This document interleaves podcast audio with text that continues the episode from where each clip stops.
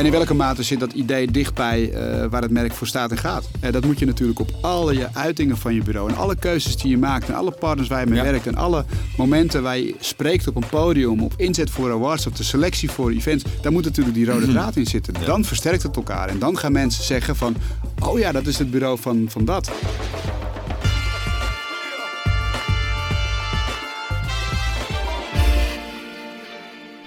Goedemorgen, goedemiddag, goedenavond of wanneer je dit ook luistert. Welkom bij The Brief, een podcast over merken, marketing en content van Wayne Parker Kent. Mijn naam is Gerben van der Rijt en het is vandaag Valentijnsdag wanneer we dit opnemen. Dus Valentijn heeft het ontzettend druk vandaag. En daarom zit Sander Tax naast mij. Sander, welkom. Dankjewel. Leuk om hier weer te zijn. Ja, hey, het is niet alleen uh, Valentijnsdag, het is ook drie dagen na de Super Bowl.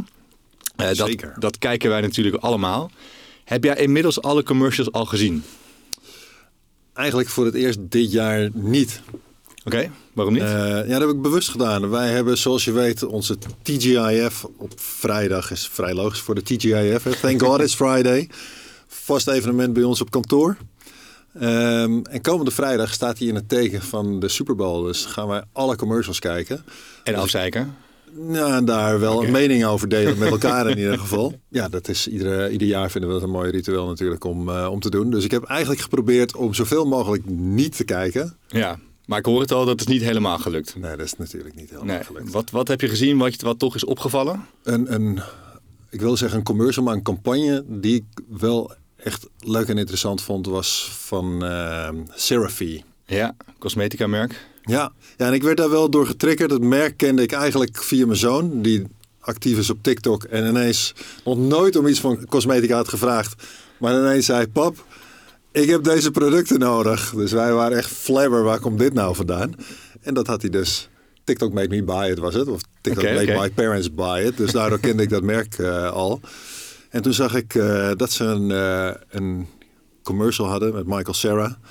En, uh, maar daarom vooraf hadden ze ook al een hele campagne opgetuigd met PR-bureau samen. Waarbij Michael Sarah al van tevoren door de straten van, volgens mij was New York, had zien lopen met tassen vol met Seraphie. Mm Daar hadden ze een beetje de, de hype omheen gebouwd. Wat is nou de koppeling tussen Michael Sarah en ja. Seraphie? Voor de mensen die Michael Sarah niet kenden, ik moest hem ook even opzoeken. Maar het is een acteur, zat onder andere in Superbad. Die heb ik dan wel gekeken. Vond ik stiekem heel erg lollig. Maar voor mij is het geen hele grote acteur.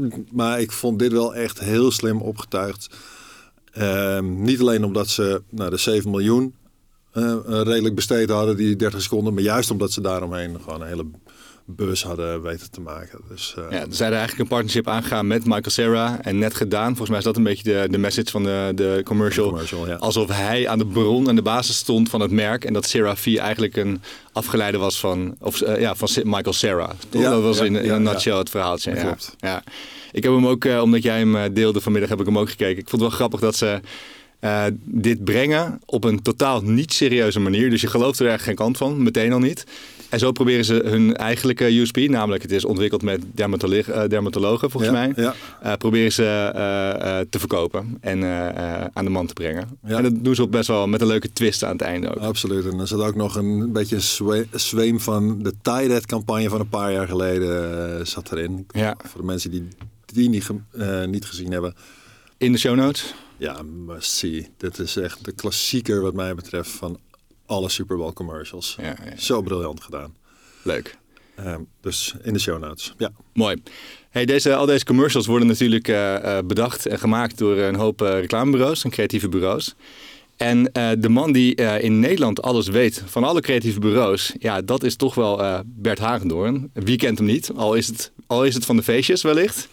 Ja, dat, uh, de, de feestjes, daar weet ik zeker van dat hij er ook is. En ik weet het eigenlijk altijd zo vaak zeker dat hij er ook is, dat ik kleine, kleine bekentenis van mijn kant. Oh jee. Ik heb wel, ja, ik vertelde het jou al vanmiddag. Uh, ik heb ooit wel eens een kan misbruik ervan gemaakt ergens waar ik niet was uitgenodigd.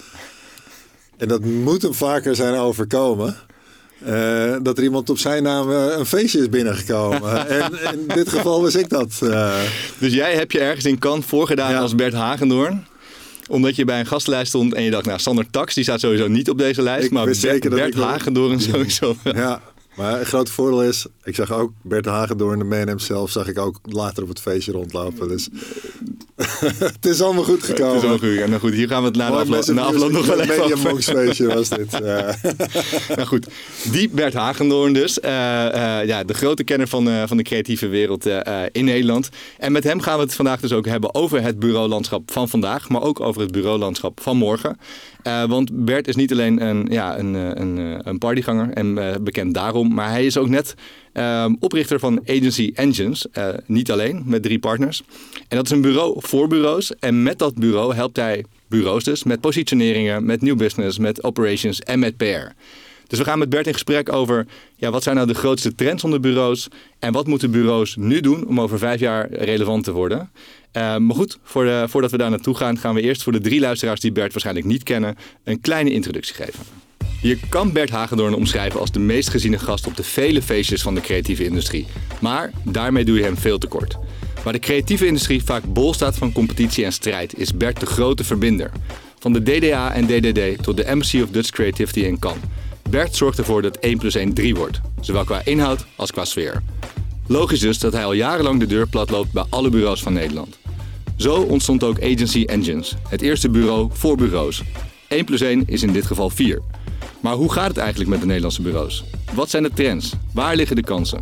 We vragen het vandaag aan deze bureaukenner Puursang. Welkom, Bert. Dankjewel.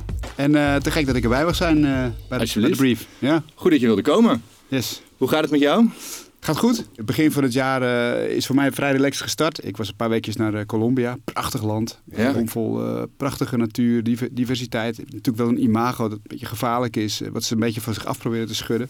Ja, lukt dat?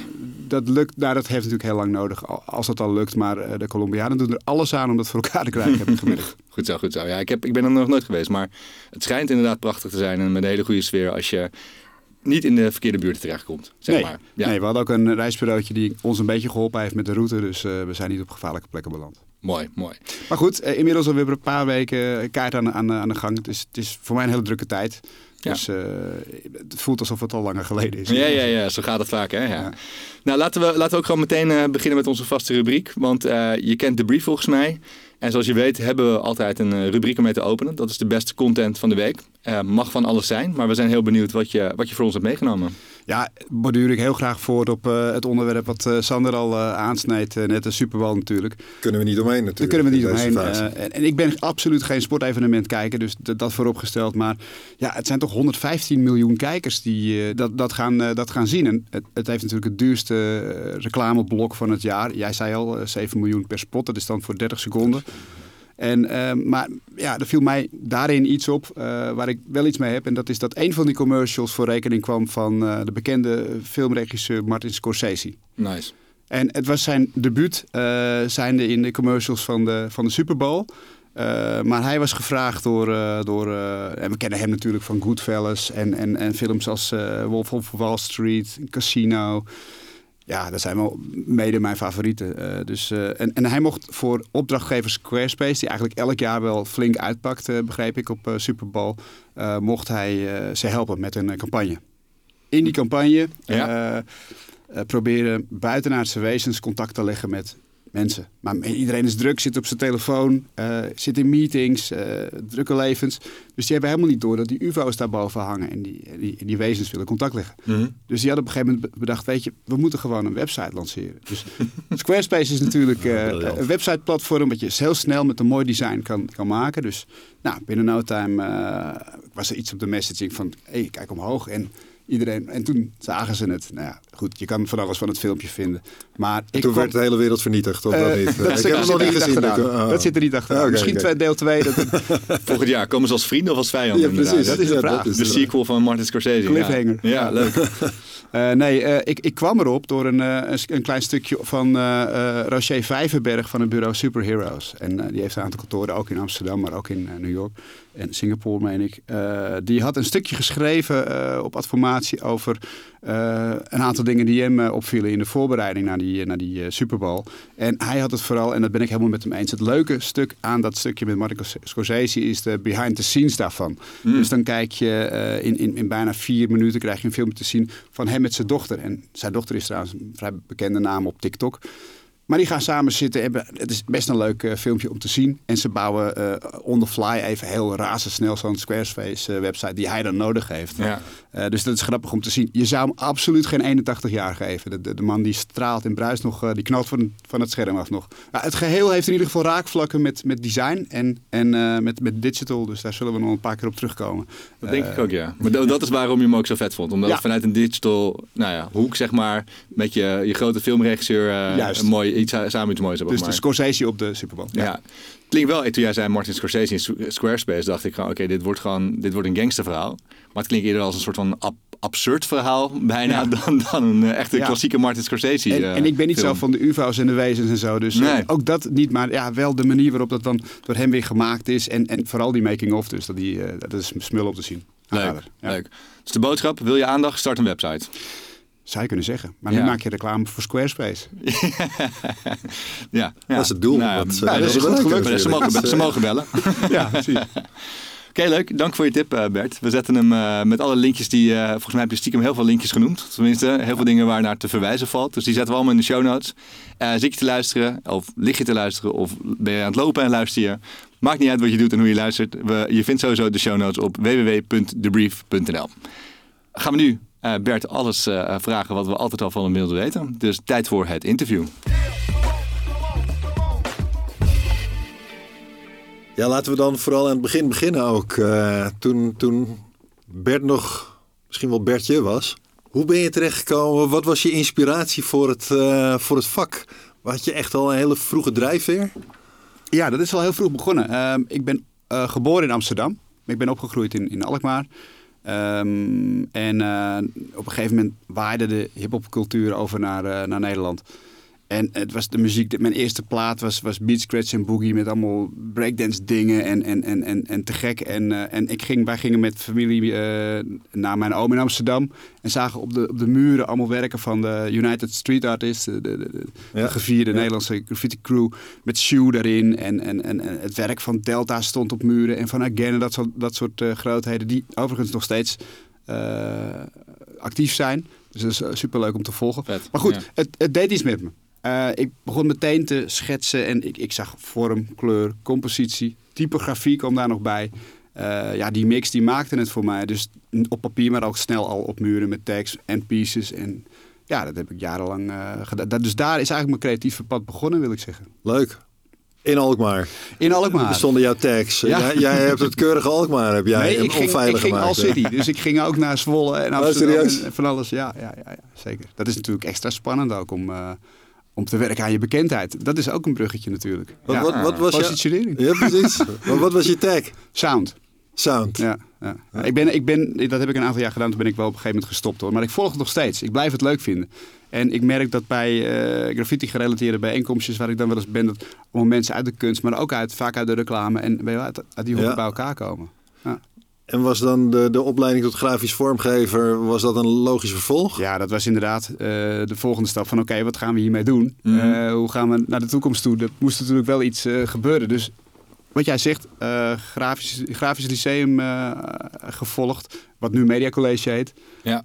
en toen ik daar vanaf kwam bij allerlei bureaus gaan, gaan werken. in de regio Alkmaar, Kastikum moet ik zeggen. en daar was niet veel. Nee. maar ik heb daar wel allemaal dingen kunnen, kunnen leren. Van, van, van graphic design tot aan video en, en 3D animaties, postproductie. En op een gegeven moment was daar natuurlijk uh, digital, interactief. Uh, Flash kwam, kwam op. Ja, dat, dat, toen viel het kwartje helemaal. Dat, dat dacht van, ja, dat is eigenlijk die extra die verdieping, die laag die daarin Ja, zit. ja. Van die interactieve laag. Ja, dat maakte het helemaal uh, vet. Uh, dus dat, dat, ja, dat, heeft wel echt, dat is echt wel een, een, belangrijk punt geweest. Kantelpunt, Kantelpunt. Voor, Bert, ja. Ja. Wat vind je nu de vetste uh, graffiti-kunstenaar of een street art kunstenaar? Uh, nou, de drie namen die ik noemde zijn nog steeds bezig. Dus ik kijk er met respect en bewondering naar. In Nederland heb je ook Jake en Mickey, niet te vergeten. De echte de vrouwelijke kings, king of queen eigenlijk van de graffiti ja. in Nederland. En zo zijn er nog veel meer. En die, ik vind het leuk om die te volgen. Maar er zijn ook heel veel. De jonge generatie heeft ook heel veel talent in huis. En die komen met hele andere stijlen weer aan. Ik zit er niet bovenop hoor, ik volg het een beetje zijdelings. Nou ja, je, je, je noemt allemaal namen die, die mij echt uh, helemaal niks zeggen. Dus je zit er beter in dan ik in ieder geval. Uh, ja. Ik kom niet verder dan Kamp Zeedorf. ja, nou, daar kijk ik ook met, uh, met bewondering naar. Die gasten die zijn natuurlijk super creatief. Ja. er staat volgens mij bij Amstel in de buurt nog steeds een Tom Poes op de muur. Of hij is net weggehaald daar. maar die gasten, die, dat bulkt natuurlijk van de creativiteit. is te gek. En, maar denk ook aan Street Art Frankie, wat, wat hij al doet. Zeker, ja. ja. die ken ik Fantastisch. Ja. Ja, als je zo een beetje zo langer erover praat, dan, dan is die street art scene dus helemaal niet dood. Soms, soms denk ik dat wel eens, maar hij is misschien kleiner geworden. Ja. Maar hij, hij is er nog wel. Ja, uh, bruggetje met uh, die uh, Rocher Vijverberg van Superheroes, waar ik het net over heb, had. Die hebben een, een unit opgestart die heet Jimmy. En Jimmy maakt digital street art. Dus wat zij doen is voor hele grote merken, en dat, dat, dat vliegt heel hard. Ze hebben heel veel uh, succes en veel business. Ja. Grote merken die, uh, die ze vragen om ze te helpen met uh, zeg maar bewegend street art materiaal. En dat voor op TikTok en YouTube en, en Instagram voor, voor grote modemerken. En ja, zo commercieel in te zetten. Ah, ja. ja. Handig. Niet als NFT's, gewoon in opdracht. Uh... Precies. Dus, uh, maar goed, als voorbeeld van, van uh, er gebeurt nog heel veel. Ja. maar ja, ik kom wel echt uit die graffiti kant. Dat is toch nog wel echt iets anders dan die street art eigenlijk. Ja, ja, dat is waar. Dat is waar.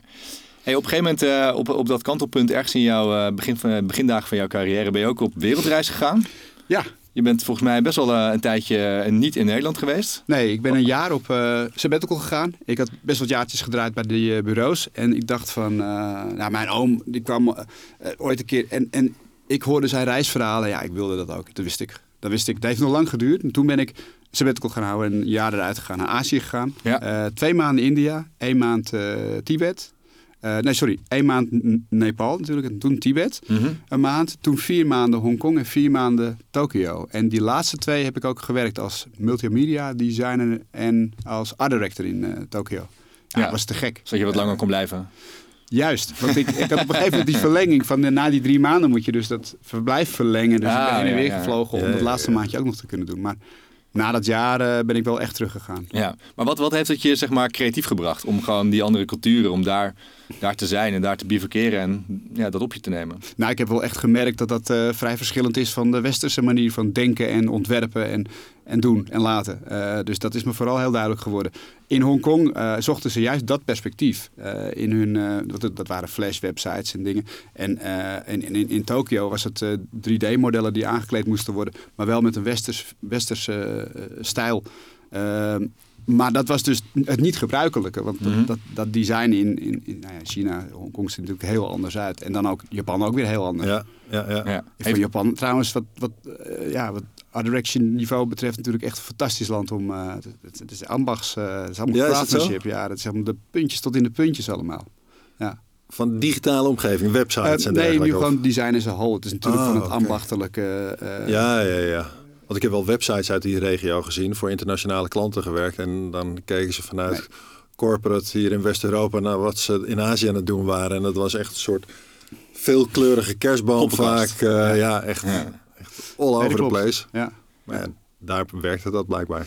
Nee, precies. Dus dat was een hele toffe tijd. En, uh, maar na een jaar weer, uh, weer, weer terug, uh, teruggekomen. Ja. Het was vooral, dat was niet zozeer per se werkgerelateerd, maar Hongkong viel wel mee. Maar je, vooral Japan was peperduur. Dus ik moest goede baan hebben, anders kon ik gewoon mijn broek niet ophouden. Ja, ja, ja dus precies. Ik, ik ben, op een gegeven moment kwam ik erachter, hey, ik kan ook op de niet-officiële manier zeg maar, mijn geld verdienen met, met mijn vakgebied kwam pas later achter. Dus ja. dat ben ik toen gaan doen. Nou, dat is mooi inzicht toch? Maak je rijker als mens, denk ik. Uh, sowieso zo'n zo tijd in het, uh, in het buitenland. Ja. En de overgang van Europa naar Azië is groot. Maar van Nepal, Tibet naar Japan lijkt me ook echt een nou ja, letterlijk een wereld van verschil. Nou, eh, de grootste shock vond ik nog wel in het vliegtuig terug. Of in eigenlijk, we zaten te wachten op het vliegtuig in, in, in Tokio toen. En, en terugvliegend naar Nederland. En toen kwamen die schreeuwende Nederlanders je hal binnen gerend. Ja, dat, dat, toen, dat is echt zwart-wit op dat respectvolle, silent Japanse gebeuren. Dus daar moest ik wel echt schakelen, ja. Ja, ja snap ik.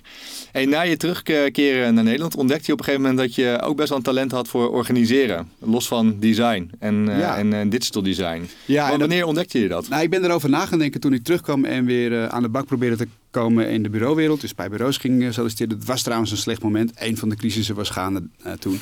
en, en toen ben ik even teruggegaan naar de basis. Wat heb ik altijd gedaan als persoon en uh, terugkijkend naar mijn jeugd al. En ik kwam er eigenlijk op uit dat ik vaak dingen aan het organiseren was. Of ik was ergens voorzitter van. Mhm. Dus toen dacht ik van, hé, hey, als, ik, als ik die skill nou kan toepassen op uh, die creatieve wereld die ik zo leuk vind... dan kom ik misschien beter uit de verf dan als creatief, want ik maakte wel vette dingen, vond ik. Maar het, Mhm. ik had niet het gevoel van daarin ga ik echt eh, de stijgende lijn Nee. eh, in maken. Dus ik dacht, dat moet een andere rol zijn. En zo kwam ik daarop. En toen ben ik eh, terechtgekomen bij een designblad eh, die eh, een restyling nodig had. Ja, dat heeft zoon was dat volgens mij? Dat was die zoon, Ja. inderdaad. Die zoon magazine. Designblad bestaat al lang niet meer om, maar dat was toen echt wel een ja, redelijk gevestigd blad. En op die manier kon ik als hoofdredacteur wa- kwam ik natuurlijk overal over de vloer en eh, de bureaus nodigden me uit. Dus onbewust in die vijf jaar dat ik daar gewerkt heb, heb ik wel veel netwerk opgedaan en Ja. veel geleerd over hoe bureaus aan de slag zijn. En Het zaadje is daar geplant eigenlijk. ja, daar is, daar is eigenlijk wel in de stroomversnelling gekomen, wat, eh, wat uiteindelijk geleid heeft tot, eh, tot waar, het, waar ik nu sta. Ja. Want Gerben, die, die zei het eigenlijk al in zijn introductie. Je bent heel actief geweest in verschillende brancheverenigingen. Ja. Wat, wat was jouw motivatie daarvoor? eh bijdrage leveren aan. Ehm, dat is wel vanuit een geloof dat, dat je het met elkaar moet doen. En eh, iedereen een bijdrage kan leveren. En, en het is aan, aan jezelf natuurlijk om te kijken wat het kan zijn. Maar ik, ik vind dat wel waarde hebben. Ehm, dus eh, ik ben tien jaar geleden bijvoorbeeld de stichting Dutch Digital Design eh, gestart. Ja. En, en daarin over de jaren steeds samengewerkt met, met ADCN, met, met van alles, met de Dutch Digital Agencies, waar we ook nog onderdeel van zijn geweest toen. Hoe dan ook, allemaal dingen naast mijn werk waar ik toch altijd probeerde eh, ook iets, eh, je moet het met elkaar doen. Dus dan, Wat, die- wat, moest je, wat, wat moest het worden? Waar moest het toe leiden? Had je echt een doel voor ogen? Maar ik vind gewoon dat wij met deze clubs hier naartoe moeten gaan. Ja, eh, dat zit hem vooral in het samen, samen, samen optrekken. En eh, dat is soms moeilijk met verschillende brancheverenigingen. Eh, als het gaat om de stichting Dutch Digital Design, dan is dat gestart vanuit de gedachte dat, de- dat destijds was Dutch Design, en dat is nog steeds gelukkig zo, ja, ook in het buitenland gewoon een bekend ding is. Ja. Maar op dat moment van spreken, ik heb het over 2012, 13, 14, was, was digital daar nog niet echt een goed onderdeel van. Eh, zo werd het in ieder geval niet in het buitenland ervaren. Ja. Eh, ik kwam daarop doordat Mediamonks eh, de eerste businessgesprekken aan het doen was. En die kwamen erachter dat dat teruggezegd werd. Dus toen ik daarvan hoorde, heb ik bureaus bij elkaar geroepen. En ik kwam erachter dat zij ook in het internationaal zaken doen daarop eh, op uitkwamen. En toen hebben we gezegd, ja, laten we dan de krachten bundelen en er een podium voor maken en samenwerken. Ja. En je, ja, dat samenwerken is, dat is echt wel eh, het ding. Want ook binnen de club, maar ook, dat kan je ook niet alleen als stichting, et cetera. Dus je moet het altijd met elkaar doen. en het, het loopt nog steeds, maar waar Ja. ben je nou het meeste trots op? Wat heb je Dat het staat, dat het een zelfstandig eh, eh, merk is wat mensen kennen. dat het blijft groeien. We hebben 25 eh, eh, eh, bureaus als, als partner van het initiatief. Van de grote jongens Mediamonks, Dep tot en met de kleinere bureaus. Dus daar, dus dat, en het blijft groeien. Dat is mooi. Eh, vooral ook op het team wat we hebben staan. Eh, dit jaar ga ik het stokje overgeven als voorzitter aan mijn opvolgster, eh Suzanne Visser. Dus dat is ook een mooi moment voor mij om te zeggen, joh, en dat had ik al eerder willen doen, maar Ja, ja, ja. soms valt niet alles tegelijk. Ehm, ja, en per slotverrekening is het iets wat ik ernaast doe. Dus moet het ook blijven. En wanneer ben je tevreden? Ik ben nu al tevreden. Ja? Ja, Wel heerlijk. ja Nou, mooi. zeker. Gaan we naar de bar. Hey, eh, je zei al, je doet het ernaast. Eh, op dit moment naast eh Agency Engines. Ja, misschien moet ik dat rijtje even afmaken vanaf dat blad. Want daarna heb ik nog met een tussenstapje gewerkt bij Oer en Satama en Flashfabriek een jaartje. Ja, En toen ja, werd ik gevraagd door Adobe om op de marketingafdeling daar eh, te werken. Dus dat heb ik vijf jaar gedaan. Ehm, eh, de Adobe User Group met anderen opgezet. Dat groeide van 500 e-mailadressen naar 8000 verenigingsleden. Grootste Adobe community wereldwijd. Dat is een hele leuke tijd.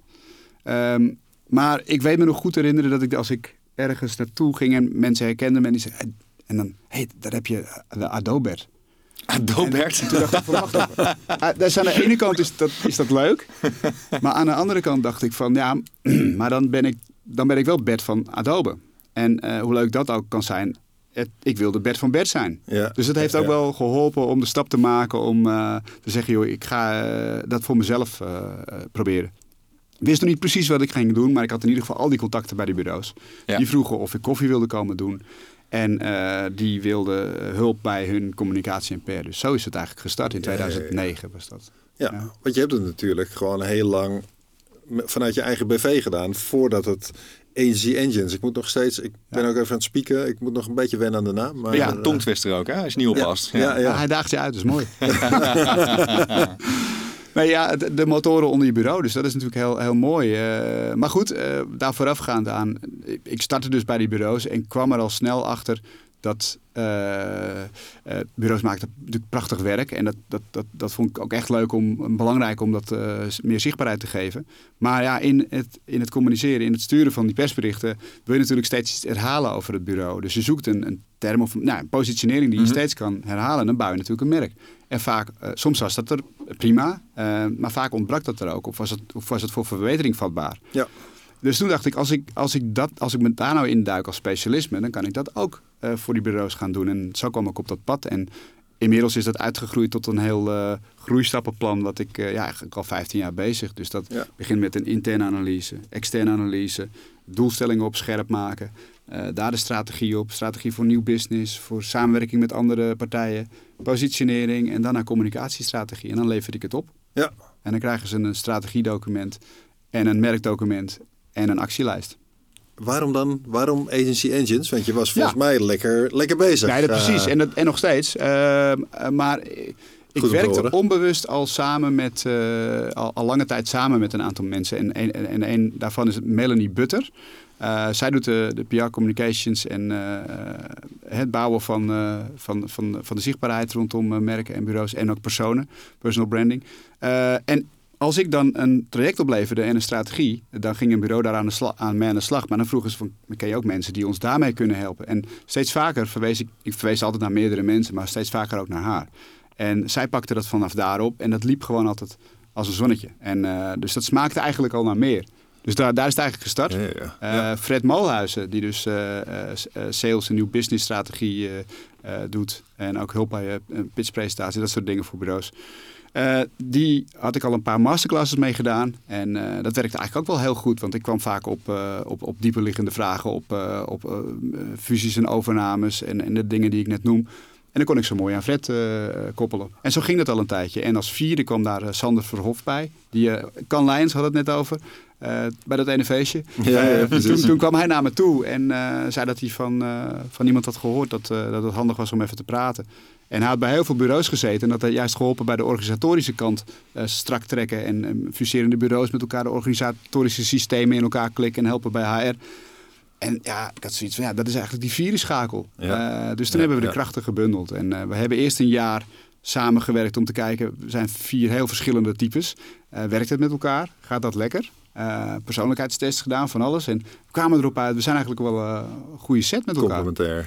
Ja, en, en toen hebben we uh, afgelopen zomer, dat, dat was net voor kan naar buiten gebracht, dat we dat lanceerden. Maar ja, dan begint het natuurlijk pas. Ja. Het werd heel goed ontvangen, want mensen zeiden van het bureau voor de bureaus. Hm, ja, dat bekijft wel. Maar, en waarom was het er eigenlijk nog niet? Dus het voelde heel logisch dat het, dat er, dat er ging zijn. En, en zijn jullie nu echt één bureau voor je gevoel? Want we weten van eigenlijk zo'n beetje alle fusies en overname vehicles binnen de reclamewereld.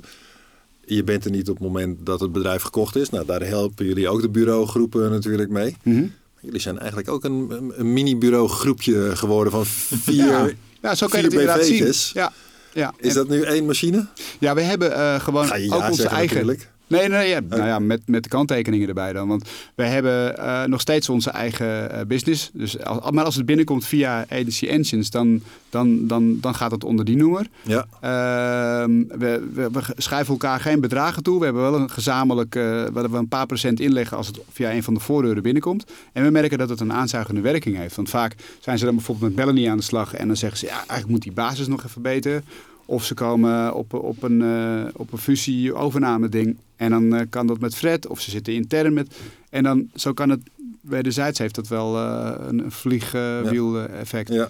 eind vorig jaar hebben we in die laatste maanden, vanaf de lancering tot het eind van het jaar, zo'n beetje tien bureaus als klant weten binnen te halen. Dus dat is een mooie start. Uh, dat groeit langzaam. Uh, als het uiteindelijk zo is dat ik helemaal kan stoppen met mijn eigen Bert Hagedorn business en het is helemaal agency engines, dan, dan is dat mooi. Hoeft niet per se. Dus het bestaat er nu gewoon naast en we kijken gewoon aan hoe het gaat, maar het gaat uh, omhoog. Mooi. Goed ja. om te horen. Zeker. En we zeiden het net al een paar keer. Volgens mij ken, ja, ken jij de bureauwereld als geen ander.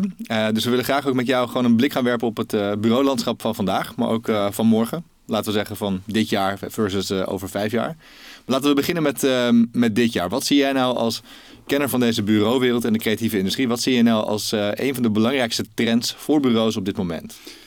Ja, het, het, is op dit moment een hele onzekere tijd. Uh, dus, dus je merkt dat, ik hoor van bureaus dat ze in heel veel kleine projecten zitten. Uh, dat de grote dingen vooruit worden geschoven of uitgesteld. Dat er weinig lange termijnachtige projecten zijn die gedraaid worden. Dat ze voor die kleine projecten vaak ook nog in pitches moeten zitten tegen anderen. dus dat is niet een hele makkelijke, makkelijke tijd om, om, om te opereren. Dan heb je dat er nog een aantal bedrijven nog worstelen met de nasleep van corona en uh, terugbetalingen en dingen.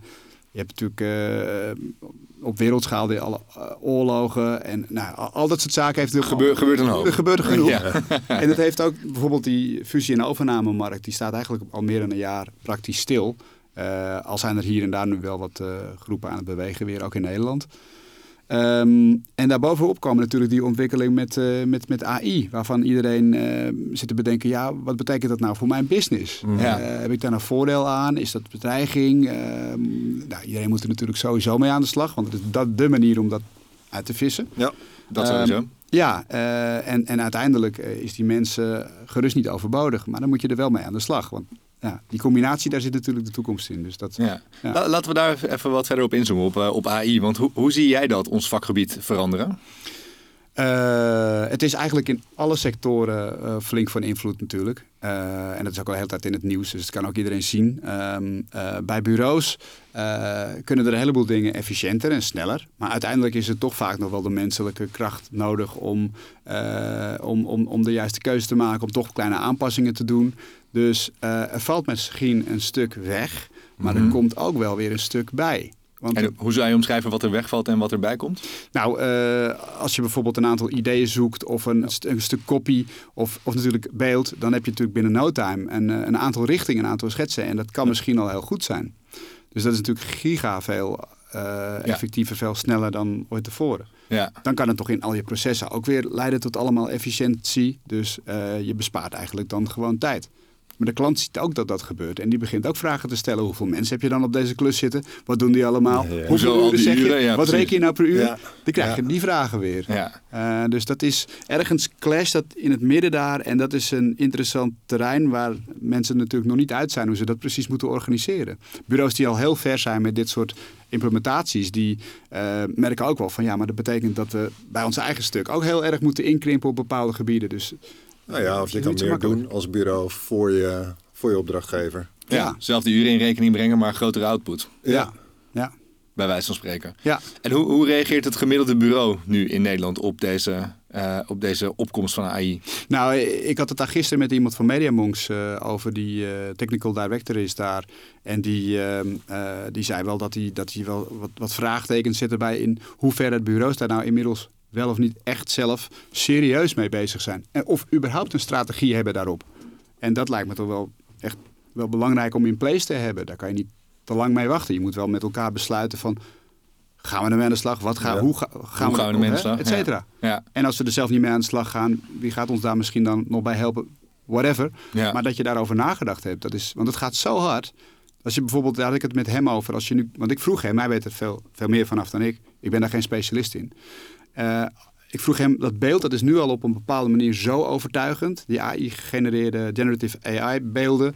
Uh, dat, het, dat het vrijwel niet van echt te onderscheiden is. Hij zegt, de komende paar jaar wordt dat nog mm. uh, een slag 100%. beter. Ja. Nou, als je nu al ziet, zeg maar, als je nu anderhalf jaar terugkijkt... en wat er toen op dezelfde prompt uitkomt, uh, uitkwam en wat er nu uitkomt... Ja. het verschil is gigantisch. Ja. Nou, trek die lijn door naar nu en over anderhalf jaar... Dan, nou, dan kan je wel een beetje een beeld vormen over waar het heen gaat, ja. Precies, en dat is dan snel. nog. En hoe snel vooral dat. en, en nu is vooral nog losstaand beeld en losstaand tekst, losstaand geluid. Maar dat gaat natuurlijk allemaal convergeren. Ja, ja. Nou, dat is interessant wat jij zegt, want het is natuurlijk ook op audiogebied uh, al heel erg gaande. En dat is super praktisch, want in één keer is je zin wordt uh, ook in het Arabisch vloeiend uitgesproken. Misschien nog niet met de finesse van de nuances, maar oké, okay, voilà. Binnenkort de brief ook in uh, de Arabische wereld. Ik, ja hoor, waarom niet? met beeld, lip-sync bijna. Met beeld, lip-sync allemaal. Ja. En, maar we hadden het dus ook over hoe hard dat gaat op het gebied van animatie en video. Dat is nu echt eh, de volgende stap aan het maken. Ja. En het ziet er nu, nu nog hier en daar een beetje rommelig uit. Als je terugdenkt aan die beelden eh, van, weet je nog, dat beeld van die eh, met zes vingers, wat Ja, niet ja, ja, klopte. ja, ja. Eh, maar hij zei ook van, ehm, die zes vingers is interessant. Want er zijn in het echt ook mensen met zes vingers. Dus als jij een foto hebt, een afbeelding hebt met allemaal mensen erop, dan zien die er nu misschien wel gemixt en met man-vrouw verhouding al, al beter uit dan eh, in het begin. Maar nog steeds zit die ene afwijkende moedervlek zie je bij niemand. En, en die Nee. pigmentvlek, weet je wat, maar die mensen heb je ook. Ja. Dus die touch daaroverheen, die zit er nog niet in. Maar Nee, nee, nee. nee. het is allemaal inderdaad eh, ja, waar de, de, de massa van aanwezig is. Dat wordt het gener- generieke beeld. Ja. Wat dat betreft, mooie campagne vorig jaar van Ace was het volgens mij. Met Miss Journey in plaats Fantastisch. van Mid Journey. Ja. Ja. Om toch inderdaad dat stereotype beeld wat altijd gecreëerd wordt. Om daar even een nuance op te maken. Ja, dat is echt een geweldig eh, project. Samenwerking met TEDx eh, Amsterdam. Ja. Eh, dus de mensen van ACE hebben echt daar een geweldige campagne van gelanceerd. Om eh, een awareness campagne eigenlijk om de bias in AI te agenderen. Ja. We Ja. hebben bij Dutch Digital Design ook verschillende keren op het podium gehad. Niet alleen het digitale podium, maar ook eh, op Can Lions hebben we het laten zien en andere events. eh, Ja. En de makers aan het woord gelaten. veel aandacht gekregen en ook Ja. volgens mij hier een prijs gewonnen. Prijs en, gewonnen, en terecht. Maar eigenlijk wat jij dus vooral zegt is dat bureaus tot nu toe nog een beetje zich afzijdig houden. Of te veel afzijdig houden van alle ontwikkelingen. Ze doen een beetje, ze doen een beetje zo, hand voor het gezicht. En, eh, Dat nou, geldt voor een deel. Ik bedoel, er zijn er ook een aantal die echt voorop lopen in eh, dit soort ontwikkelingen. Ik zei net, MediaMonks is er al heel erg ver mee. Dept is er ook heel erg ver mee. Toch En- de digitale veel- bureaus. Komen wel Ja. digital development Ja. ook. eh, Ja. Allebei. Ja, precies. Dus er zijn er ook genoeg die er heel hard mee aan, aan de slag zijn. Ehm, maar ja, bij veel bureaus denk ik nog wel, en dat heb ik er ook gesprekken met, met ze over, maar dan op een of andere manier eh, gaat het toch langzamer dan je misschien zou verwachten. Ja. Dat is mijn. Ja. Ja. Dus oproep aan alle bureaus. Vorm in ieder geval een visie over AI en hoe het je bureauwereld en je bureau gaat veranderen. Ja. En dan besluit je dan daarna er nog niks mee te doen. Of niet veel meer dan eh, af en toe wat Midjourney beelden en eh ChatGPT te gebruiken. Ja. Dan heb je er in ieder geval over nagedacht. Ja, Ja. ja. Dat, is, dat is het wel, ja. Lo- Los van de ontwikkelingen in AI, je noemde het al eventjes, maar je hebt de, de nou, het heeft misschien een jaartje even stilgelegen. Er zijn natuurlijk hele periodes geweest dat de acquisities je om de oren vlogen, Ja. consolidaties. Ja. Hoe kijk jij daarnaar? Ja, dat is natuurlijk heel interessant. Eh, we hebben eh, eind vorig jaar, toen we Agency Engines net hadden gelanceerd, een paar masterclasses gegeven. Waaronder eentje voor Adformatie. Die, die vierde toen zo'n 50-jarige bestaan. En eh nou, Victor Knaap van Mediamonks heeft toen ook iets gedeeld over hoe ver zij zijn met AI. Vandaar dat ik die... eh, Ja, ja, ja. maar, eh, Los en- van de AI. ja, ja. los van de- En, en wij, dus wij werden gevraagd met mijn Agency Engines maken een schets over eh, de toekomst van het bureau. Dus toen, toen zijn we daar, hebben we daar een, zijn we daar met elkaar goed, goed voor gaan zitten. En wat wij toe, kansrijke toekomstrichtingen voor bureaus denken te zien is of eh, het is eh, breed en geïntegreerd, maar niet alleen eh, breed geïntegreerd, maar ook echt in de diepte waarmakend op al die vlakken. En schaal en internationaal. Dus à la de bureaugroepen, nou ja, Mediamonks en, en, en Dep natuurlijk, maar er zijn talloze die... Ace, ken dit. Ja, Côte d'Azur ook, die steeds Mhm. meer internationaal is aan het groeien. En daar mogen we trouwens trots op zijn, dat, dat, dat die hè, partijen zo, ook wereldwijd zoveel, zoveel prijzen en dergelijke, dat is heel, heel knap. Ja. Ehm, maar of dus die route, eh, of eh, eh, de route van specia- specialistisch bureau. Misschien zelfs al ultra-specialist. Ehm, en we hebben wel het gevoel dat het, als je in het, in het middenstuk, grijze midden zit, dat het dan lastiger wordt om toekomstbestendig te zijn. Dus dat is wel, wel een beetje een, een, een vrees, maar tegelijkertijd de uitdaging voor bureaus. Waar zit je? Welke kant ga je op? En als het gaat over dat specialisme, ehm, je hebt natuurlijk heel veel bureaus die van alles doen. Maar dat maakt niet dat ze goed zijn in al die dingen. Nee. Dus dan is toch de, terug naar de vraag die ik misschien voor mezelf toen ook op een gegeven moment gesteld heb.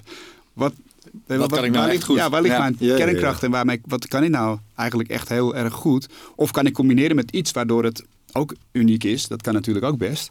eh, om je daarop te concentreren. Ehm, dus dat is wel een interessante vraag voor eigenlijk alle bureaus om te bedenken van in welke mate zitten we dicht op dat, die kern van ons, die echt ons, Ja. ons DNA is. Vinden, bureaus dat moeilijk om die vraag te beantwoorden? Want eigenlijk hier zijn bureaus natuurlijk de hele dag mee bezig voor hun klanten. In ieder Ja. geval wat, de, de wat meer strategische bureaus sowieso. Ja. Vinden ze dat dan moeilijk om die vraag voor zichzelf te beantwoorden? Merk je dat? Ja, dat merk ik. Dus die vinden het toch wel lastig om van, uh, met, met de blik van buiten naar hun eigen bedrijf te kijken. En dat is ook heel moeilijk. Ik heb, ik heb zelf ook wel eens met een, uh, kijk, twee keer een traject gedaan met iemand van buiten die met mijn business meekijkt. En die kwamen dan toch echt met dingen die waarschijnlijk uh, simpele conclusies waren die ik misschien zelf ook al had kunnen trekken, bedoel ik. Mm -hmm. Maar ik zag het gewoon niet, want je staat te veel in jezelf. waardevol, sowieso. Ja, ja. Ja dus dat, dat blijft altijd, uh, de blik van buiten blijft altijd uh, van waarde. En dat ja. is ook wel bij Edition Engines, dat we met z'n vieren met nog bredere blik kunnen kijken. En ons panel, wat we nog hebben trouwens. Ja naar uh, vraagstukken. Ja. ja, eigenlijk toon je ook zo de meerwaarde aan van überhaupt het, het, een bureau voor welke klant dan ook. Ja. Want een bureau verzorgt de blik voor, uh, van buiten. Ja, dat is het. Dus dat ja. blijft altijd het toegevoegde. Het is heel goed dat je dat zegt, want het blijft altijd de toegevoegde waarde van een, van een bureau voor een, voor een klant. En ja. uh, je ziet nu klanten die steeds meer ook in-housing waarde gaan doen de afgelopen jaren. Sommigen die er ook weer mee stoppen, dat toch zien van ja, dus misschien eigenlijk te weinig zittend op onze kernactiviteiten. En social media staat er natuurlijk vaak wel nog, ja. maar uh, andere dingen zijn weer afgestoten. Uh, dus blijf bij je leest, is, dat, is dan het devies. Ik ben nog wel even benieuwd, want jij loopt natuurlijk ook al lang rond in de, in de reclamewereld. En ik, nou, ik loop stiekem zelf ook al een ja, tijdje in de reclame, reclame mediawereld rond. en eigenlijk zie je altijd wel een beetje een golfbeweging. Ja. Zitten we nu ook weer op een golf? Of is het nu gewoon één rechte lijn? Nee, het wordt of consolideren. Je, je hebt nu gewoon een twee sporen beleid. Of zeggen we over een paar jaar... Ja, dat echt... Dat one, one stop... One, one shop? One stop? One stop shop? One stop shop, dankjewel. Alsjeblieft. Uh, nou, dat is het eigenlijk toch ook helemaal niet. Uh, ja. de, want uh, er zitten zoveel specialisten aan de klantzijde ook.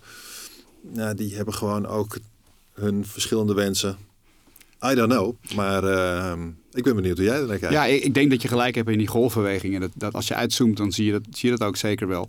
Uh, dus um, uh, het zou nog wel eens kunnen zijn dat. Nou, ik, ik denk in ieder geval dat die, dat, dat die specialismes de komende tijd weer belangrijker worden. Ja. Uh, dus opdrachtgevers willen natuurlijk wel heel graag met specialisten werken. Tegelijkertijd, als jij een, een, een, klant bent met een aantal producten en je kan een aantal dingen via één deurbel onderbrengen bij een club die heel veel kan, dan ja. is dat misschien prima. En dan kan daarnaast misschien hier en daar nog een specialist op aangeklikt worden en voldoet dat misschien uitstekend. Ja. Vandaar dat ook wel echt wel denken dat dat zeker uh, uh, de komende, ook de komende jaren nog zijn bestaansrecht nog wel heeft. Dus ja, ik ben nog wel een beetje benieuwd of dit echt vanuit een vraag van de klant komt of dat het echt vanuit een ambitie van de bureaus en misschien wel een ambitie van de investeerders. Want bij nou, ja, allemaal zit zeggen, er een investeerder achter ja. en die zit er niet in omdat ze... Nee, dat is weer het verkopen de, van zo'n groep. Ja, uiteindelijk willen ze het groot maken en dan ja. voor nog meer geld verkopen natuurlijk. Dus, dus nu gaat het over de drijfveer van uh, waarom wil een groep dan een bureau overnemen? Ja. Aan de andere ja. kant ook, waarom wil een bureau zichzelf wel of niet verkopen? Uh, daar zijn verschillende antwoorden op, op te ja. geven. En dan is het altijd wel goed om te doorgronden. Wat is dan die achterliggende drijfveer? Want dat bepaalt ook wel of die samenwerking überhaupt een verstandige zet is. Ja. Nou, ik hoor je wel zeggen dat de, uh, ook voor de gro grote groepen, zeg maar, dat die nog wel in de diepte moeten kunnen leveren. Dus ja. binnen alle specialismes die ze aansluiten, moeten ze nog wel in de diepte gewoon ook een expertise kunnen leveren. Dat, dat zou betekenen en kunnen zeggen dat gewoon klanten uiteindelijk toch wel inderdaad voor die expertise gaan. Ja. En als ze die nou bij één deurbel vinden en dan uh, naar meerdere kanten doorgestuurd worden, of ze zoeken zelf meerdere gespecialiseerde bureaus. Op die diepte is dus wel heel belangrijk, dat specialisme. Ja, want uh, we, we, kennen natuurlijk allemaal nog uh, dat op een gegeven moment alle, uh, vooral de digitale bureaus, op hun websites hadden staan, we zijn full service. Ja. En dat was toen een gevierde term. Ja. Maar aan het einde van de dag... Konden ze niks. Nou, ja, in sommige gevallen klopt dat wat je zegt. ja. Maar in ieder geval konden ze dat niet allemaal in de diepte nee. uh, waarmaken. Dus dan, je moet natuurlijk heel erg oppassen als je zoiets zegt, dat je dat dan ook echt bent. En ja. waar kan maken. Ja, dus precies. Ja. Dat is, dat is het. En hoe, hoe, reageren klanten op die grote groepen? Want een klein voorbeeldje, wij spraken laatst iemand die bij een, uh, bij een merk werkt. Ik ga geen namen en merken noemen, maar die zei wel van ja, die grote groepen prima. Maar ik vind het gewoon heel fijn dat als ik met een bureau spreek, dat de creatief ook gewoon aan tafel zit. Ja. Of de strateeg. Ja. En hoe groter de groep, hoe gevoelsmatig in ieder geval, hoe groter de afstand tot de mensen die uiteindelijk strategie doen, creatie doen, ja. et cetera doen. Budget is al op, dan heb je alleen nog maar account- en projectmanagers heb, gesproken. Heb je Sander gesproken? Ja. ja. Ik hoop toch een beetje over de inhoud mee te mogen praten. Nee, de, de, dus dat is, maar dat is per geval dan een, een, kan een verschillend antwoord opleveren, die vraag. Dat is waar. Uh, Hangt van de behoeften van de klant af. Ja, precies. Ja. Daar, daar zit het toch, wel, toch echt wel. Want er zijn ook bureaus uh, die er echt voor kiezen dat, dat, ze die lijnen zo kort mogelijk houden. Hoe, hoe, over hoe meer schrijven dat gaat, hoe, ja, dan kun je vraagteken ja. zetten of dat nog past in het nu. Ja. Ja. Dat heeft in ieder geval gevolgen voor de snelheid en misschien ook de kosten. Ja, ja dus afhankelijk van waar je behoefte aan hebt, dan kun je daar een keuze in maken. Ja, denk ik wel. Nou, ik denk dat het wel goed is om ook wel gewoon, ook wat jij ook zegt Sander, dat je vanuit de bureaukant ook in de gaten moet houden van doen we dit voor het rendement of de, de investeerders? Of helpen we onze klanten ook zo het beste? Ja. En als die klant, de klant, jouw klant behoefte heeft aan gewoon directe lijntjes met creatieven, ja, dan moet je daar ook gewoon klaar voor zijn. En als die klant behoefte heeft aan specialisten en expertise in de diepte, ja, dan moet je dat ook kunnen, kunnen leveren. Want anders dan is het ja, leeg rendement, om het zo maar even te noemen. En er komen toch ook nog steeds gewoon nieuwe bureaus poppen erop. Ja, zeker. En dat is, vind ik super leuk om te zien dat het bruist en borrelt in het vakgebied. Ja, dat is smullen. Ik had uh, voor eind vorig jaar was ik bij die Fonk 150. En ik zat in die lijst te kijken van die bureaus die erbij. Uh, dus gewoon bijeenkomsten in de Ademtoren. En uh, nou, Fonk die heeft, besteedt daar aandacht aan en regelt dat evenement. En ik kende gewoon Leeuwendeel echt meer dan echt wel vier vijfde van die lijst van bureaus die daarop stonden. Die kende ik niet. Uh, en, um, dat zegt iets. Dat, ja, ik wil het zeggen. Ja. nou, nou, maar wat het mij vooral zegt, is dat, het, is dat er dus heel veel jonge nieuwe ondernemers zijn. Of breakaways van bestaande bureaus. Ja. Hè, of, of fusies. Uh, dus dat er heel veel gebeurt aan die ondernemerskant in die bureauwereld. En dat, dat, is, dat is hoopgevend. En natuurlijk gaan ze niet allemaal overleven.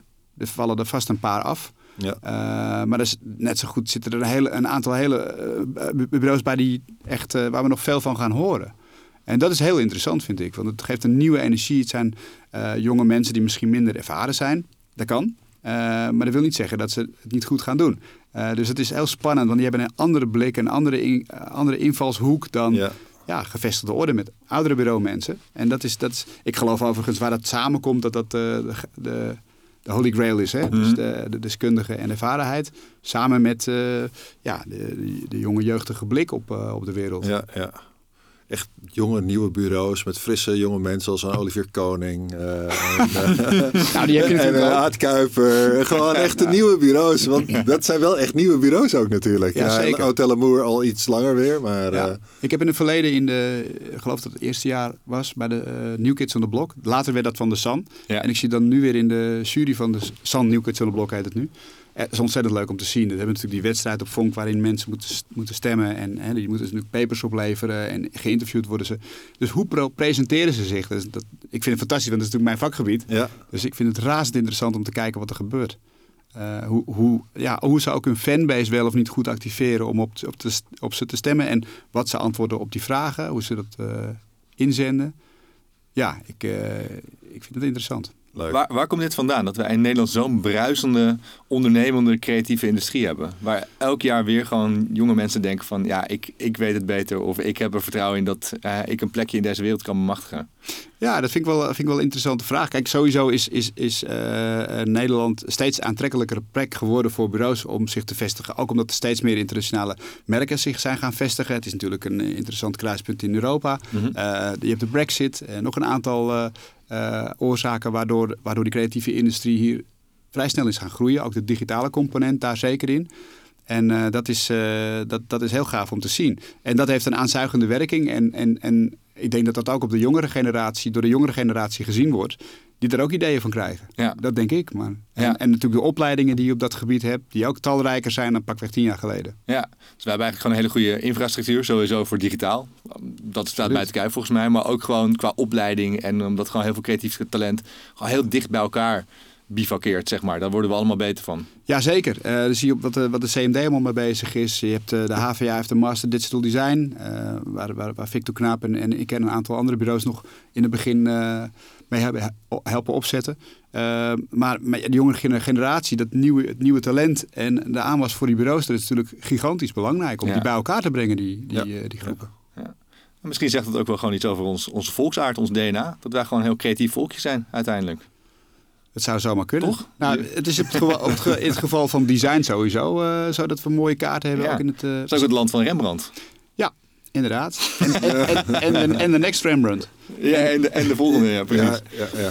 Maar oké, okay, we hebben het net over, over uh, aan de ene kant natuurlijk mooi dat er heel veel nieuwe bureaus zijn. en er is altijd wel iets nieuws in ons vakgebied. Zijn wij niet te verslaafd als bureauwereld aan dat wat nieuw is. Het nieuwe bureau, de nieuwe tech, de nieuwe trends, uh, nieuwe kanalen, wat mhm. het ook is. Zijn we er niet te verslaafd aan? Ja, dat is een goede vraag. Uh, volgens mij refereer je ook aan een stuk wat uh, een interview met Aad Kuiper van Hotel Amour, die daar ook iets over zei. Ook met, hij noemde ook de Sun New Kids. En kijk. Ehm, ik denk dat als je een startend bureau bent, dat je de eerste paar jaar de, de, de kaart kan spelen van het zijn er dat nieuwe bureau. En dat, dan is, mensen willen altijd weten, wat is er dan voor bureau? Dus je hebt er altijd een zweem van interesse rondom. Mhm.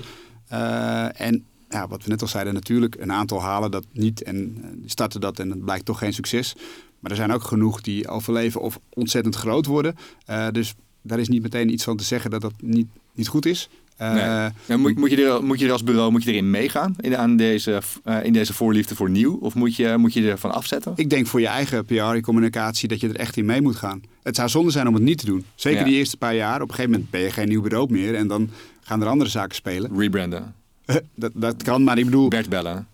Juist, dat, dat, dat sowieso. nee, maar... Wat bedoel je nieuw als in, oké, de metaverse uh, is ja, de, de, de, technologie in, in uh, town. En daar heb je natuurlijk wel een punt. Dat iedereen jumpt erop en het gaat alleen maar daarover. Dat, maar dat is die hype cycle. Hè? Die, die, die dus ja, eerst is... Je, je slaat elke vaktitel over en het staat er allemaal non-stop op. Je wordt er helemaal gedraaid van tot je denkt van nou, nu moet ik ook...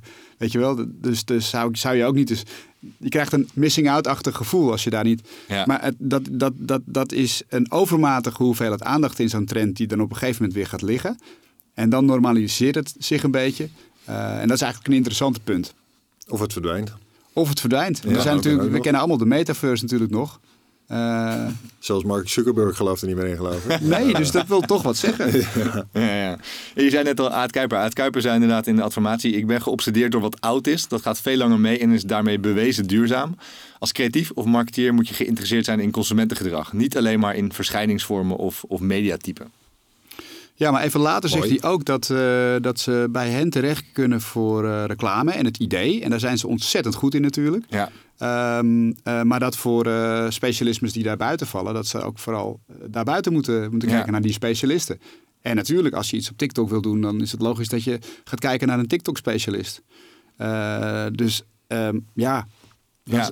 Maar Als het je... idee in de core maar goed genoeg is, volgens mij zei hij... Dat zei hij inderdaad. Zei hij dat ook nog ja. wel. Ik moest meteen denken aan, uh, toen ik het las, weer, weer aan de Super Bowl. De, de, de, de hele wereld, maar dan puur in de reclamewereld natuurlijk stond even bol over de Beckhams met Uber Eats voor de Super Bowl.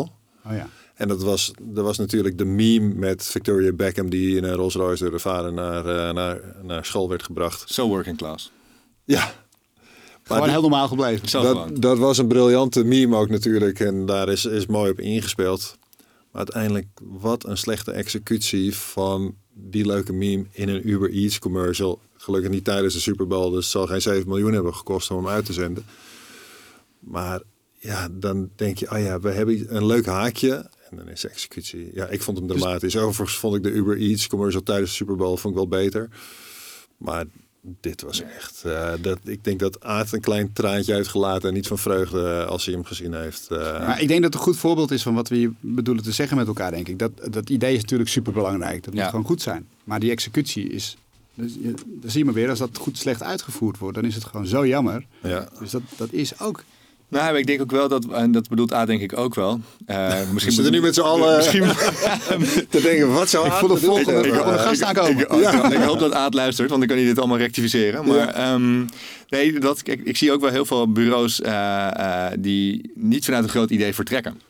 En, en, en dan inderdaad maar vertrekken vanuit een kanaal. Of vertrekken vanuit een trend. Of uh, vanuit mogelijkheden die technologie biedt. En dan krijg je denk ik inderdaad werk wat uiteindelijk een merk niet laat groeien. Of de business uiteindelijk niet laat groeien. Dus ik denk dat, um, dus de laatste keer dat ik dit ga zeggen, ik denk dat wat Aad bedoeld is, dat er gewoon dat er waarde zit in een groot idee. En dat, oh, zeker, en, dat ja. je daar, en dat je daar altijd mee moet beginnen. Ja. En dat je als dat staat en als dat goed is, dan kan je dat naar alles doorvertalen. Naar TikTok, naar uh, een outdoor campagne ja. of wat het ook is. Hmm. Maar, dan, maar dan een kleine kanttekening daarbij, die wel belangrijk is om te maken, denk ik. Dat als je bijvoorbeeld uh, met elkaar een idee probeert te bedenken, uh, wat ergens gestalte moet krijgen dat het heel goed kan zijn om degene die dat, dat medium waar het dan om gaat, of die plekken waar het om gaat, om die te betrekken in de beginfase van. Hè, dus misschien bij Ja. het maken van het idee. De verbinder spreekt weer, ik hoor het. Juist, Ja. daar heb je hem. Ja. Daar is hij. Ja. Nee, ja, nee, Maar ik ik, denk ik echt hem. dat da- dat, dat eh, het allerbeste is om, om dit, in dit voorbeeldgeval te doen. Ja. Ma- Mag ik nog één keer naar de Super Bowl refereren? Wat er ook werd gezegd, ook in internationale pers, dat heel veel mensen die hebben echt fantastische commercials gezien. Ik weet niet of dat dit jaar helemaal het geval was, maar supermooie commercials. Heel veel bekende Amerikanen, celebrities. Die kan iedereen zich herinneren. Maar het merk. Maar het merk, Mhm. wat was het ook alweer? Ja, ja. ja ik, ik weet de, de mijne nog te herinneren, want die heb ik natuurlijk in mijn geheugen gegrift voor de show. Ja. Maar ik vind het een goede vraag, want dat blijft natuurlijk, die sterren blijven hangen. Maar waren het ook alweer, wat, wat, wat, wat, voor, mer- wat voor merk Ja, ook alweer? Ja, ja, goede vraag. Dus het, het idee is heilig, maar laten we ook gewoon niet vergeten hoe gaan we vanuit het vertrekpunt van wat willen we nou als merk eigenlijk vertellen? Want anders Ja. heb je een hele mooie commercial gemaakt, maar eigenlijk Ja. ja, heb je En in gewoon- welke mate zit dat idee dichtbij eh waar het merk voor staat en gaat? Eh, want soms is dat zo verschillend van elkaar. Ja, Ja, het, het, dan is het vaak weggegooid geld. Want dat Ja. blijft niet. Het moet elkaar versterken. En dat is hetzelfde als met positionering. Want dat is eigenlijk nog maar de start voor wat je als bureau kan doen. Eh, dat moet je natuurlijk op alle je uitingen van je bureau. En alle keuzes die je maakt. En alle partners waar je mee Ja. werkt. En alle momenten waar je spreekt op een podium. Of inzet voor awards. Of de selectie voor events. Al die dingen. Daar moet natuurlijk die rode draad in zitten. Ja. Dan versterkt het elkaar. En dan gaan mensen zeggen van... Oh ja, dat is het bureau van, van dat. Ja. eens. En dat is hier ook met, met zo'n concept, met een, met, een, met een merkverhaal. Als dat echt helemaal bij elkaar vandaan zit, dan ja, zonde. Ja. Ik heb, ik heb uiteindelijk de Super Bowl heb ik in een samenvatting van 11 minuten gekeken. Ah. Maar ik heb meer tijd aan de commercials besteed Ja, eh, dan, aan, eh, dan aan de wedstrijd. Ja. Hoewel dit wel een van de spannendste wedstrijden in tijden was. Ja, ik las het. Eh, Dankzij, dankzij de presidentsverkiezingen toch? En dan gaat Taylor Swift wel. Ja, ja niet, hoe vaak komt Taylor. Swift Ja, in beeld? Was, dat was echt super spannend. Nee, Ja. ja. Zonder dolle de wedstrijd was ook echt spannend. De halftime vond ik tegenvallen. Maar goed, eh, we kijken eigenlijk voor de reclame natuurlijk. Zo is het. Ja, Nog even terug naar de bureauwereld. ja. Want stel, we kijken vijf jaar vooruit. Eh, ik denk dat de, de trends voor dit jaar hebben we wel eh, besproken met elkaar. Uh, sommigen werken natuurlijk ook zeker nog wel door naar, naar de toekomst. Maar stel, jij kijkt, je pakt je glazen bol erbij en je kijkt vijf jaar vooruit. Wat, wat zie jij dan als de grootste verandering in dat bureaulandschap? Nou ja, eh, ik schetste net al die twee routes.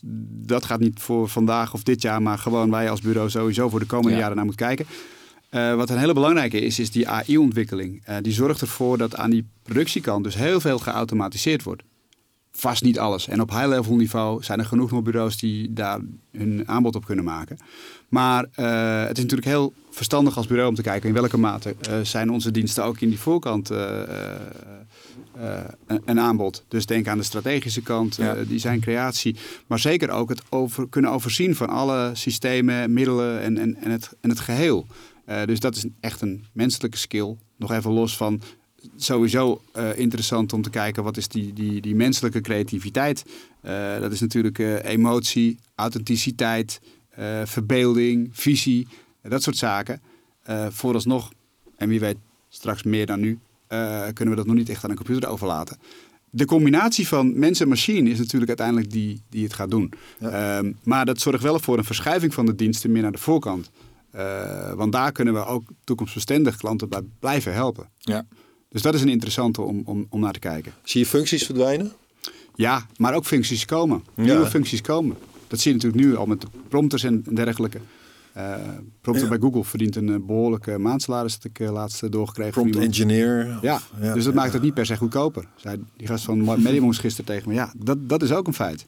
Dus het, het, het, ja, de kaarten veranderen. eh, maar er, komen ook er gaan dingen weg, maar er komen ook nieuwe dingen bij. Dus het- er is wel veel verandering gaande, nu al. En Ja. aangezien het veel harder gaat, gaat dat, ook, dat, ook die verandering bij die bureaus harder. Nou, daar maak ik me eigenlijk een beetje zorgen over. In de zin van, eh, even kijken hoe het landschap eruit ziet over een paar jaar. Het zou, weet je, als je als bureau daar te veel in achter blijft lopen, dan, dan is dat een gevaarlijk terrein. Maar zie je dat voor hele bureaus of zie je dat voor specifieke functies? Ik bedoel, vroeger, vroeger toen hadden we de, de flash developers. Nou, daar zijn er niet meer zoveel van. Maar dat is niet echt een enorme eh, shock geweest binnen de reclamewereld. Want die ontwikkelde zich wel weer door. Ik denk nu een, een, een designer. ja, die zal over vijf jaar misschien niet meer op die manier zijn vak beoefenen. Maar dat is misschien wel, want die creativiteit die in het hoofd zit van iemand die nu designer is, ja, die is nog steeds wel nodig. Ja, dat denk maar ik ook. waarschijnlijk niks meer in Photoshop zit het. Ja, dus die eh, werkt misschien met andere, andere, tool, andere tooling, Ja, andere En dat, zien we, manieren. dat zien we nu al gebeuren, toch? Ja, Eigenlijk? ja, dat is inderdaad gaande. Ja, Ja. ja. Ja, dat heb je geen hele grote glazen bol voor nodig. Nee, nee, nee, dat is een kleintje. En, ik denk ook dat eh, wat ik fascinerend vind in die, in die enorme hoeveelheid AI-gegenereerde beelden, teksten en noem maar op. eh, eh, dat, dat wordt ook weer terug de machine ingevoerd. Eh, eh, dus Ja. eh, eh, dat betekent dat er altijd eh, vraag gaat zijn naar daarbuiten of daarbinnen onderscheidende uitingen. En ik denk ook dat mensen, dus de eindgebruikers of degene die uiteindelijk in aanraking komen met een product of een dienst of iets, op een campagne, dat die ook wel steeds meer gaan neigen naar echtheid. Het is nu zo dat je kan bijna geen nieuws meer kijken of je moet je afvragen, is dat dan, is dit nou echt of, of is dat misschien niet echt? Er zijn steeds meer clips eh, die hele bevolkingsgroepen op de been krijgen, waar het blijkt een AI gegenereerd iets te zijn. Eh, dus de behoefte van de mens naar die echtheid en die menselijke touch. eh, ik denk dat dat. En misschien Nou ja. handmade craftsmanship, het vakmanschap. Eh, pen en papier, wie weet. Eh, Ja. Maar dat, dat, dat, dat daar steeds meer vraag naar gaat zijn. En dat is ook een interessant stuk voor bureaus. Ja, dat Tegenbeweging. Dat zie je eigenlijk natuurlijk gewoon vaker. Als gewoon muziek digitaal wordt en je elk nummer ah, ten alle tijde ter, tot je beschikking hebt, dan zie je ook weer de opkomst van een LP en, en vinyl. Precies, die zijn ook helemaal Dus weer in trek. ja, ja, interessant. Dus die heb je. En als het gaat op het gebied van digital design, vind ik het fascinerend eh, wat, er gebied, wat er gebeurt op het gebied van immersive. Hè, dus de, eh, de, de, de, de, de, de werelden waarin je eh, de, de, de AR, de VR, de XR, combinatie met de echte digitale wereld, met de, met de Vision Pro van Apple. Ja. Waarin- Heb je hem al geprobeerd? Heb je hem Ik heb opgehad? nog niet op een. op- nee, ik heb nog niet opgehad. Ik ben Wij, heel benieuwd. ook niet. Nee. Maar goed, ehm, eh, dat, is, dat is heel interessant. Want voor merken, ehm, wat je natuurlijk wil, is dat mensen als die iets zien, dat, ze, dat, dat het ze bijblijft. Ja. Op een plat scherm iets zien, dat, dat is veel lastiger om, om echt te zorgen dat je in de herinnering komt van een persoon. Dus dan is het natuurlijk veel toffer als je op een event bent en een interactieve installatie hebt of, of iets in combinatie met een bril of whatever. Waar, waar je doorheen gaat, je ervaart iets, je voelt iets, je ruikt iets, misschien wind, weet ik wat er gebeurt. Dat zorgt ervoor dat jouw geheugen dat veel beter opslaat. Ja, omdat je En- gewoon meer zintuigen tegelijk prikt. ja, misschien heb je dus een onvergetelijke ervaring. Dus daar zitten nog zoveel eh, kansen op voor de komende Ja. jaren. Waar bureaus hun voordeel mee kunnen doen. Er is een fonds vanuit eh, de Nederlandse overheid, of oorspronkelijk van het NL Groeifonds komt. Dat heet CIIC, dus met drie I's. Eh, stimulatiebudget van, ik geloof 200 miljoen, waarin eh, partijen, organisaties gestimuleerd worden om het eh, te helpen Nederland het best mogelijke kaartje op immersive gebied te laten afgeven in, in met name het buitenland, buitenlandse zaken doen. Dus heel interessant. Leuk, Heel interessant. Oké, dus wa- wat moet je als bureau nu doen om over vijf jaar relevant te zijn? Is gewoon een mening vormen over AI. Eh, kiezen voor een grote groep met diepte of eh, je echt super specialiseren. Nadenken over immersive als je in de digital wereld zit. En Bert Hagedorn bellen als je er niet uitkomt. Ik vind dit een fantastische recap. Ja, toch? Mooi, dan zijn we ook hiermee eh, aan, eh, aan het einde gekomen van de, van de brief. Dank Bert voor je komst naar de studio. Eh, mega leuk om weer even bij te kletsen. Zeker. Heb, heb je nou geluisterd? Sander, jou ook bedankt dat je erbij was. Oh, ja, was, gezellig. Ja, Sander top. Ja, zeker. Heel gezellig. Wil je wat teruglezen? Dan kan dat zoals altijd in de show notes. Die vind je in op www.debrief.nl. Op de brief moet ik zeggen. Eh, dank aan Waypark Kent dat we deze show weer mochten maken. De redactie was deze keer van onszelf, Sander. Goed Zeker. gewerkt. Graag, gedaan. De productie was van, eh, van Jaden. We waren weer bij Michael in de Smet Studios. En de volgende show is over twee weken. Tot dan.